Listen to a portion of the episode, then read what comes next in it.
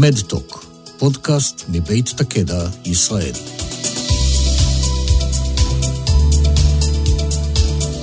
Welcome to MedTalk, Takeda Pharmaceuticals podcast series focusing on digital health. My name is Eliane Hattis Kurgan, working with Takeda Israel, and today we are very pleased to have with us Gal Salomon, the co founder and CEO of predictive care startup CLEW Medical.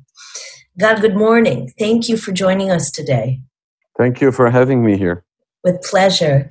So, just as a bit of background for our listeners, I would like to share that in preparing for this conversation today, I came across so many tremendous industry articles, and I just want to share the titles of some of them. So, from VentureBeat, CLEW is using AI to identify patients at risk. Forbes, Israeli innovators harness AI technologies to curb the global COVID 19 pandemic. CLEW brings groundbreaking AI powered critical care solution to the US market with a launch at SCCM 2020. And the list just goes on. Beyond that, you've recently closed your B round in January, securing $10 million, which now brings your total investment up to 20 million raised, I believe. So just congratulations on all of it in your words, what is CLEW's mission and what does your technology set out to accomplish? So, what we're trying to achieve is basically to take uh, uh, the medicine that we have uh, today and try to convert to something which is more uh, more science based, more data driven, not experience or something which the doctors, the team are using, which is calling intuition. Because one of the main problem that you know my intuition is different from your intuition but by the end of the day um, the revolution that we're in the middle of creating you know data which will tell us what to do is just is just in the beginning. What we're trying to do is we're taking data which are coming right now around the patient the hospital and convert to data to knowledge. If you're taking most of the team that you have around the hospital, they're using the script that they have studied in their med school, uh, including their experience, intuition, and they're trying to take a, a, decision based on those parameters. What we're trying to do is we're trying to some to come and said, guys, this is great, but we have data, and data can tell us so many so many things. And, and one of the things that we're doing in the discovery of the data is really, really try to explain what we're seeing here, why this patient is deteriorating and what this patient is not. So we're trying to create a revolution that the team will start to act upon data which is analyzed and provide you in a way that you can take an action.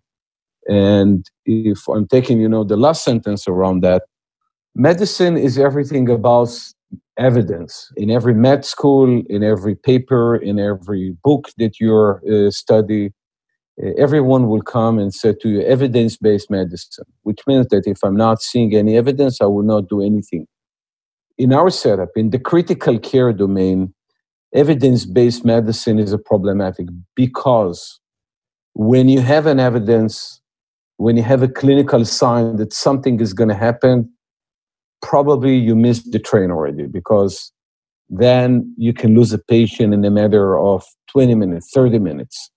And what we're trying to do here is we're trying to come and say early intervention equal to better outcome, which means that if we intervene as early as we can, we can save life. We can change the trajectory of the patient and we can be proactive with regards to what do we need to do with the patient in order to save lives? It's so impressive. I want to build on one one phrase you used where you said we are trying to revolutionize. I, I would argue that we that you are revolutionizing, that we are seeing in front of our eyes globally uh, healthcare and critical care specifically being revolutionized. We're witnessing it right now um, with with hospitals trying to manage the current pandemic. I would argue that we're in a new age of personalized and precision care. A recent article I saw by your medical director, Dr. Itai Pesach. He described the specific time as the coming of age for big data and artificial intelligence in the ICU. Could you expand on that? How, how is it so? How did it come to be at this point, the coming of age? So, a typical patient in the ICU is admitted in the ICU because his medical condition is very bad, which means that he is what we're calling the life threatening condition. And for that reason, by the way, uh, most of the patient over there it's, are sedated, mechanically ventilated, and most of them, if, if not everyone, is connected to a lot of devices which is helping to save his life. So we just recently faced the COVID 19 epidemic, which you saw that many of the patients were admitted in the ICU connected to so many devices already, including mechanical ventilator, including ECMO machines. A typical patient in the ICU is connected to so many devices. Every single device is generating data for us. And again, it's starting from the basic part, which is the monitor, which is monitor your heart rate, blood pressure, saturation, etc., etc. But you have so many other devices, which is helping us to keep the patient and to recover from what he had. Those data points, which are coming right now in high frequency, some of them are coming in text, some of them coming in waveform. Some data is coming with numeric kind of thing, coming different frequency, different kind of it's a huge mess over there. And what we're simply coming and said, guys, if we will know to how to analyze this amount of data and provide a very basic script which is coming and said, this patient is under risk, this patient is not. This patient is going to be deteriorating. This is the source and this is the trajectory. We can do so many kind of things. So if I'm going back to your question, which Itai mentioned, in the talk that we have done in the SCCM was everything about taking the data, personalize it in a way that we can build a structure around specific patient which can tell us who can be discharged tomorrow, who do I need to intervene in a real-time environment using thousands of thousands of different parameters which are used, which are keep changing in a, in a second to second generation. So we're analyzing a lot of data, make sure that we know how to fit to this patient and provide an insight which we never discussed before. Let me try to phrase it in a different kind of direction. A normal person like you and I can analyze three data streams at the same time. And I might advise you to do the following exercise. Uh, sit in, in front of your TV try to uh, see a, a TV show, read in a newspaper in the same time, and talk to your family in the same time, you will see that three items which are running at the same time is probably problematic to analyze and to be act upon what you're getting from those three devices. If I will tell you that you need to analyze 600 screens and channels which are coming in a very high frequency data, this is mission impossible. So what we're trying to do is taking those hundreds of data points which are coming in real time, analyze that in real time using a very heavy computation environment like cloud, and provide you an insight for this specific patient that is sitting in the bed in the ICU. I really appreciate that analogy of the normal human mind, the exercise of, of three data streams and trying to comprehend those. It feels like you've just debunked the myth of multitasking as a virtue. I personally think it's ridiculous and can only handle one task at a time well. So, thank you for that from a personal perspective. We're talking about a crazy intense life and death environment in the ICU. And I know there are different applications for your technology, and I'll get to that in different critical care situations, and I'd like to get to that a little bit later.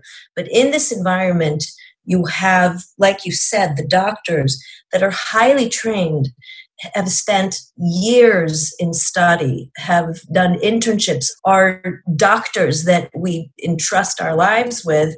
They've got as you said thousands of data points coming in changing every second. And there's there's a situation called the health data divide if, as far as i understand. How are you training? There must be an adoption phase of teaching these doctors training these doctors to new to use completely new technology to go perhaps against their instincts if the data is proving something else how how do you address that big disconnect? How is it being tackled? So i think you have touched one of the most problematic issue that we have is because every time that you're bringing new technology to any industry i think it's it's taking a lot of time to adopt you have different population in the industry. You have you know the young doctors which are skills to uh, exercise new technology. They know how to read Uh, and they know how to play with a lot of things and you have the old generation which use what they was studied 20 30 years ago and you need to find a common ground that everyone would feel they're getting something from the system because the notion that we have here is that we need to tell them something that they don't know. Because if i will say the obvious no one will put an attention. I need to tell this mr doctor that have 30 years experience of dealing with patient tell him something that he will shock him. And one of the things that we're showing over and over again that it's very hard to understand where the patient is going. Some of the patients are more easy, some of them are more complex.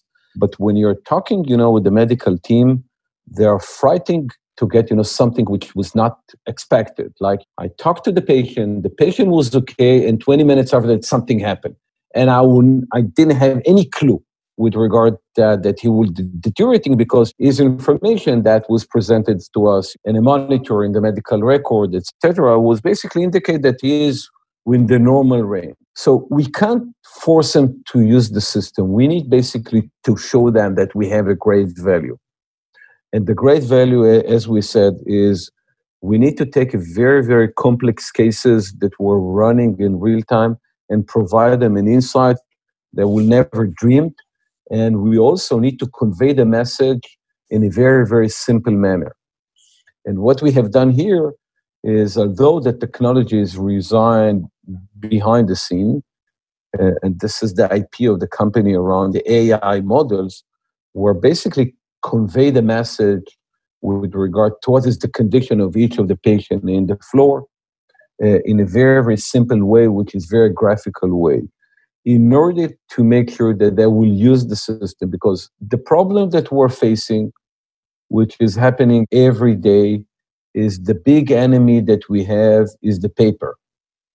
And when we started to implement the system in Sheba Medical Center in, in we came to those meetings either if it was review meeting, review cases, handover of ship, whatever, and every doctor came with a piece of paper in front of him, which he put all the remarks. You probably understand that this is not the right way to go because you don't have any record, you don't know how to measure success. Those piece of information is not analyzed. And, and more so, the conclusion that they came to this meeting was, in some of the cases, was wrong. You know, they came and reported that the patient in bed number four have a MI uh, in two o'clock in the morning. And the reason for that was one, two, three, four. Yes, he have an MI, but the reason was completely different. And when you have a very robust AI system, when you have hundreds of hundreds of AI's models, which was built over 10 billion data points from multiple hospitals, multiple demographics, multiple cases, obviously the amount of knowledge that you can bring to this kind of environment is much, much richer comparing to any other uh, environment. So, in a nutshell, is to sit there, to talk with the nurses, talking to the doctor, make sure that they understand which kind of value that they can get, and to not be afraid to deal with technology. And this is the problem that we have. Some of the members in the team really are frightened to get more screen, more icons, more information some of them have some ego kind of thing. I mean, guys, I mean, what do you want from me? You know, I have like 30 years experience dealing with those patients. How can machines and algorithm will tell me what to do? It's so so it's all the above. Is to make sure, guys, be relaxed. We're not coming to replace anyone. We're coming to assist. We will assist in a way that you never dreamed. We are conveying the message in the way that's going to be easy to understand, recognize, and act upon what we're coming and show you. So it's a combination of that, but it's not easy.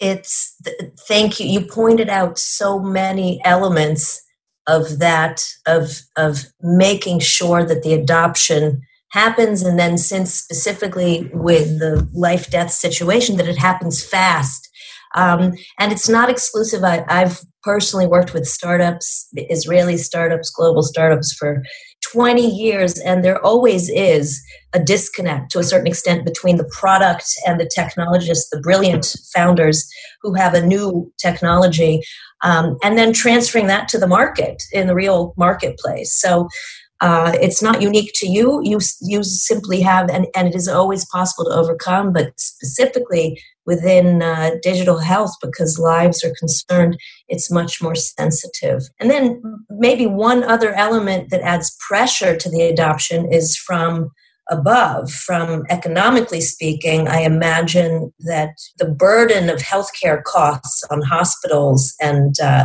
just the healthcare system in general there probably is a lot of pressure from from the business management to impose upon doctors to utilize this. And that's probably a point of friction as well. I don't know if you see that as well but uh, another hurdle to accomplish to overcome. No doubt no doubt especially in the us market. Given the situation that we're facing right now by the end of the day the us market which is one of the largest healthcare uh, industry around the world is using right now 17.8% of their GDP is invested in healthcare, which is translated to three and something trillion dollars. But having said that, I mean, given COVID 19, which came and hit everyone, every single institution that we're basically in discussion right now lost millions, hundreds of millions of dollars. And right now, the pressure around, you know, guys, we need to do something which is either will generate more revenue for me as a healthcare provider or it will save me cost. So, in other words, to provide right now the technology which can help you to deliver better care is essential and very important. But in the same time, the economic piece of the puzzle must be there. You can't implement any new technology without a good reason, which need to be either in the generating revenue piece or in the cut my cost. And yes, it's going to be more and more severe as we will progress, but those two things are working together in the same time. I want to switch over into a into a different realm. The original focus was in the ICU where there's a clear need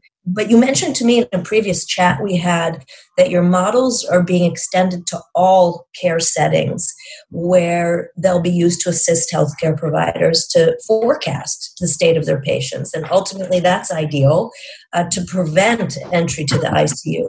Can you share some examples of other instances? Sure. I mean, you know, I will start with something trivial, which is calling COVID 19, corona patients, which happened here like the rest of the war than the beginning of the year, which again it it came as something which no one really understood.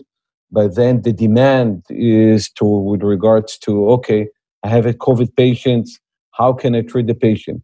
Who needs to go to the ICU? Who can be in the ward, and who can I send home for observation? And what we're seeing that a lot from the model that we have created is basically free for doubt uh, both in the triage as well as how to keep the patient outside of the reach of the mechanical ventilated, which is most of the ICU patient. But if I take a very big step ahead, try to imagine that most of the hospital, if not everyone, is managed right now by semi-chaotic approach.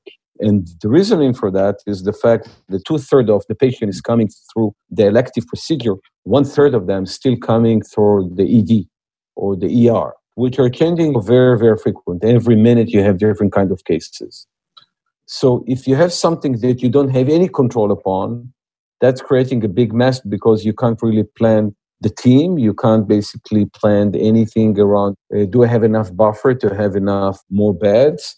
Or do I have the right team to handle those? And many other elements. So What CLEW is working right now, and we just started a year ago, is to extend or to expand what we're doing in the critical care area to something which is more of a general purpose or generic approach to how do I want to manage my hospital, my facility in two years time frame. And, and what we're building right now is a concept that by the end of the day, the same kind of thing. Early intervention equal to better outcome. Look for the patient which are looking normal, but they're going to be deteriorating and provide you a real-time map as regards to how my hospital is running currently and what will happen in four hours. Where do I need to have more resources? Where's the anomalies? How can I manage patients which are coming either from the ED or from elective surgery, where they need to go?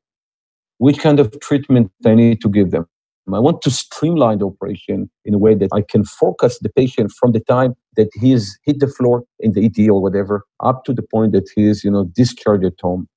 Something which is coming from two concepts that we're bringing right now to the table is one, the air traffic control kind of thing that the hospital will manage from one location, have all the data point in front of you, and set of nurses and doctors can manage the entire operation from a single point that every single item is analyzed and provide you an insight. What does it mean? All the way to really manufacturing environment, like any fabrication, any kind of activity that you have a multi uh, pieces which need to work together. The name of the project, by the way, is Control Tower. And control tower i mean for us is the way that hospital will be managed in the future. One location a lot of algorithms ai is going to build in with every single element. And by the end of the day the whole idea is to provide a better management. And i'm talking about the clinical part of the management of those patients which will increase the way that patients are going better than what they have came from and analyze the data in real time. You just shared another very, very smart, I believe, analogy control tower. I like that name. Congratulations on that. And that really explains what this, this product, this specific product is trying to do. And that, of course, presents other challenges, right? You need to speak not with the doctors, but with other stakeholders in the institutions and the hospitals. Uh, to adopt new systems, to invest in moving things to the cloud. There's a lot. You really are touching upon a full holistic transformation of the healthcare system, it sounds like. Yes, you're right. I mean, it's basically discussion about the ones which are really taking or the burden around the hospital, which is the nurses, logistic guys, you know, operation guys, transport. You have different kinds of stakeholders. And by the end of the day, our customer is the CEO of the hospital or the chief operation officer that they need basically to operate the institution 24 7 and they don't have any room for mistake. And you have a lot of stakeholders that have something to say and that because they are part of this huge problem that we have is how to use how to use the resources in a way that we can better manage we can better treat the patients. It's definitely a different kind of dialogue comparing to the ICU setup. As far as CLEW's plans for growth, I would imagine that every single hospital in the world needs and could utilize this tech immediately. Can you give us some examples? I know you're focusing on the US right now. Where where are you working? A few uh, you named some of the hospitals here in Israel, but a few of the partners or clients that you have in the States?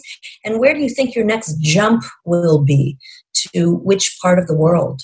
So, here in Israel, we're mainly working with the Sheba Medical Center with Ichilov. This is where the system is installed and operated. I saw that you got from the FDA emergency use authorization. I have never seen that before. You got it yesterday, June 8th. Yeah. At least that's when I saw it for the use of predictive screening software on COVID 19 patients. That is a dream come true for any technology in, in uh, digital health. It has to go through numerous clinical trials and years of, of working through and wading through the bureaucracy of the US government. So, extremely impressive. Congratulations on that.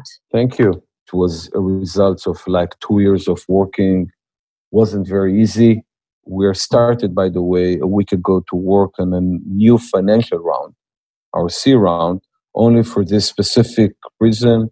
Is right now we're moving from research and development into ad- adaptation and you know trainings and and integration and those kind of things which which need to bring the revenue for the company so right now most of the energy beside the fact that we're trying to bring the system to be much more robust and much more riches into installation adaptation training those kind of things in the us and we started to look only a couple of weeks ago in the European market, and we have some ongoing activities in Asia.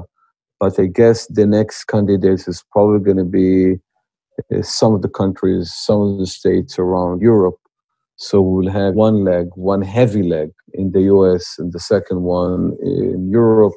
We're still trying to understand how uh, the healthcare system is working in Japan, Korea, Taiwan, uh, which are early adopters in terms of technology, but we need to better understand how the system is working over there. Gal, my last question today for you. I know personally from uh, the many digital health startups, med tech startups that we have here in Israel, that there's usually a personal backstory that inspires the, the founders, the co founders to, to start the endeavor. What do you have what was your inspiration your personal inspiration to devote yourself and your time to this mission? Is there any specific moment that convinced you that you needed to do this? Before i started CLEW i was uh, working in one of the largest uh, vc here in israel which is pitango uh, uh, venture capital which is the largest you know vc here in israel. And pretty much in the same time uh, my mother passed away uh, because of stupid things that still bother me uh, every day. And you know, you and I can make mistakes, and some of them is going to be bad, some of them going to be less. But when the medical team is making mistakes, or or they're under heavy pressure, or they didn't took a single minute more to look on the patient, we can lose a patient. And I lost my mother because of very, very trivial kind of things. And I said to myself, there is no way that I can't really be part of revolution of this critical care slash healthcare and with the technology, with the basic tools that we have, we need to make that to a change because every person which are dying is is a very very sad story. I didn't have a chance to say hello to my mother because I was Japan at that time. I mean, I don't have enough word to express what I felt over there. And part of my mission is to make sure that it's not going to happen again. We'll have enough boundaries, enough technology, uh, pieces in our life that can tell us that something is going to bad and you should take a look in one, two, three, four and take a decision based on real evidence based, you know, medical devices, information which are coming. And this is the journey. This is where I decided that I want to go. And I'm committed to that. And this is what I'm doing. That's a very personal uh, angle. Thank you for sharing that story. Thank you for that. And uh, thank you very much for joining us today on Med Talk. And we wish you and, and the CLEW team great success in this mission to take clinical data and convert it into life saving decisions.